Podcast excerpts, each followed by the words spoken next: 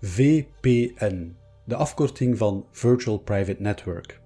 Dit wordt soms voorgesteld als de oplossing tegen alle gevaren van hacking en phishing.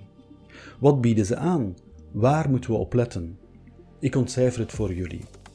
Hallo allemaal, ik ben Danny Moerenhout en dit is een nieuwe aflevering van je podcast De fraudeur, de hacker en jij.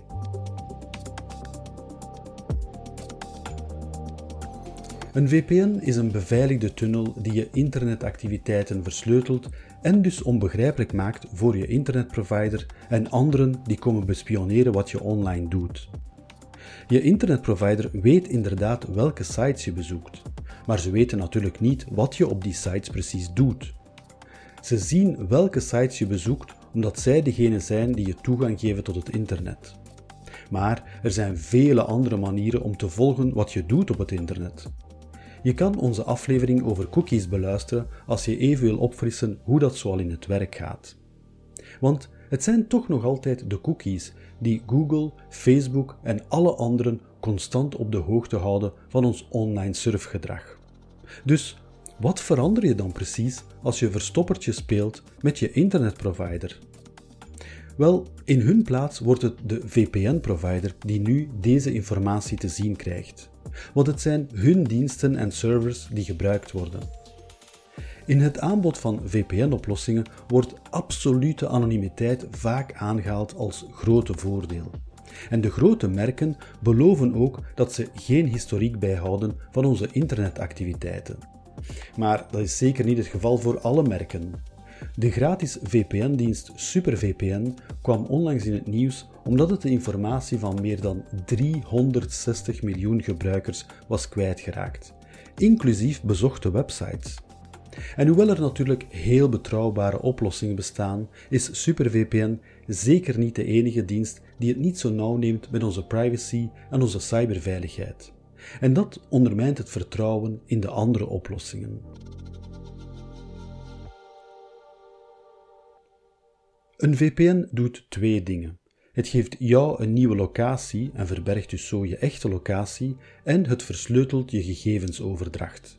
Dat is standaard alles wat een VPN doet. En waarom zou je je echte locatie willen verbergen? Een goede reden is om bijvoorbeeld censuur te vermijden in landen zoals China of Rusland voor wie daar ter plaatse is. Maar in deze landen is het gebruik van een VPN verboden of zodanig beperkt dat het eigenlijk geen bescherming biedt. Een tweede reden waarom een VPN vaak gebruikt wordt, is om toegang te krijgen tot inhoud die geografisch beperkt is, zoals Netflix en Disney Plus en anderen doen. Niet alle series of films zijn overal beschikbaar, maar door een verbinding te maken via een VPN die zich in een ander land bevindt, kan je toegang krijgen tot de inhoud die je wil bekijken. Je moet dan natuurlijk wel een abonnement nemen en betalen in dat land. Maar bedrijven zoals Netflix zijn systemen aan het opzetten om deze verborgen verbindingen op te sporen en ze tegen te gaan.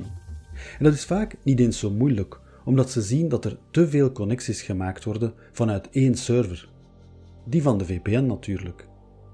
Ook belangrijk is dat deze diensten dit doen omdat ze zelf anders in de problemen kunnen komen met copyright-wetgeving.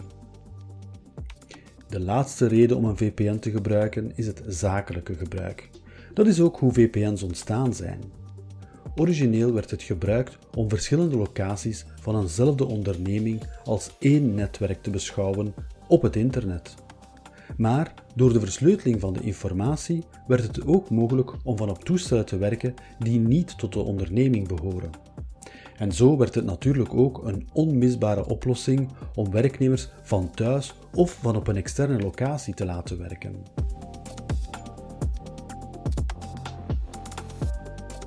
Wie regelmatig een advertentie voor VPN-diensten ziet voorbijkomen op sociale media of op een website, zal waarschijnlijk al gemerkt hebben dat ze nogal sterk inzetten op gevoelens zoals angst.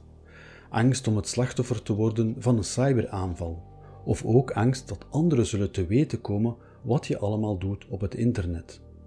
Het klinkt bijna alsof er een samenzwering bestaat. En dat zijn psychologische technieken die we vaak zien bij, bij fraudeurs. Begrijp me niet verkeerd, een VPN is geen vorm van fraude, maar hun manier van reclame voeren zou wat voorzichtiger kunnen zijn. Hun belangrijkste argument is privacy. Dankzij hun product ziet niemand wat je allemaal uitspookt op het internet. Laat ons wel één belangrijk principe niet vergeten. Als het illegaal is zonder een VPN, dan is het dat nog altijd met een VPN. En onze internetproviders zijn helemaal gebonden aan de privacywetgeving die in Europa en dus ook in België heel sterk is. Dus daarvoor is een VPN niet nodig. En ook de websites die we bezoeken versleutelen de gegevens tussen onze computer en de website. Dat zie je aan het hangslotje in de adresbalk, of anders gezegd de bekende HTTPS-verbinding. De VPN-fabrikanten beweren ook dat ze een bescherming kunnen bieden tegen virussen en andere malware. Dat is een extra dienst die ze kunnen aanbieden omdat ze zien op welke sites je surft. De VPN kan inderdaad je verkeer filteren en je zo weghouden van sites die gevaarlijk zijn. Maar dat zal zeker niet alle virussen tegenhouden, want daarvoor heb je een echte antivirusoplossing nodig op je computer. Een antivirusoplossing die zichzelf automatisch kan bijwerken en die regelmatig een scan doet van je volledige toestel. De fabrikanten van VPN-diensten doen natuurlijk niets mis met hun filtering, maar beschouw het als een extraatje, niet als je belangrijkste bescherming tegen virussen. Sommige VPN-oplossingen hebben ook een dienst waarmee ze reclame kunnen tegenhouden.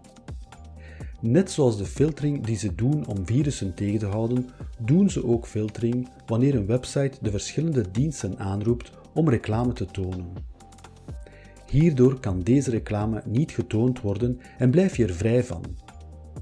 Hier moeten we wel twee kanttekeningen bij maken.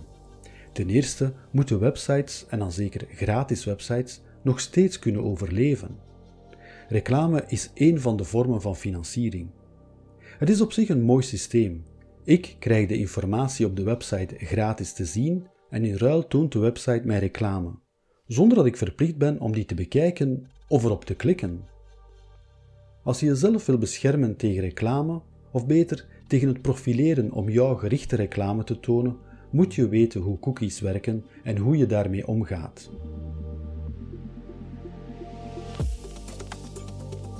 Een VPN is een prima oplossing om van overal gebruik te kunnen maken van diensten alsof je je in een andere locatie bevindt. Dat is vrijwel enkel noodzakelijk voor een professionele organisatie. Als individu is het vrijwel altijd nutteloos. Denk je dat je het toch nodig hebt? Ga er dan voor, het werkt geweldig. Maar wees voorzichtig met de oplossing die je kiest. Zeker als die gratis is. Want hoe betalen ze hun kosten? Vergeet niet dat de beste bescherming van jezelf komt. Jij bent de beste manier om jezelf online te beschermen. Door sterke wachtwoorden te gebruiken, twee-factor identificatie te activeren, onnodige cookies te weigeren, een goede antivirusoplossing op je apparaten te installeren en een beetje op te letten wat je downloadt, heb je al meer dan genoeg bescherming. Dat is gewoon goede online hygiëne. Maar een VPN kan dit niet aanbieden. Ik wens je nog een fijne dag en tot binnenkort in de volgende aflevering van je podcast De fraudeur, de hacker en jij.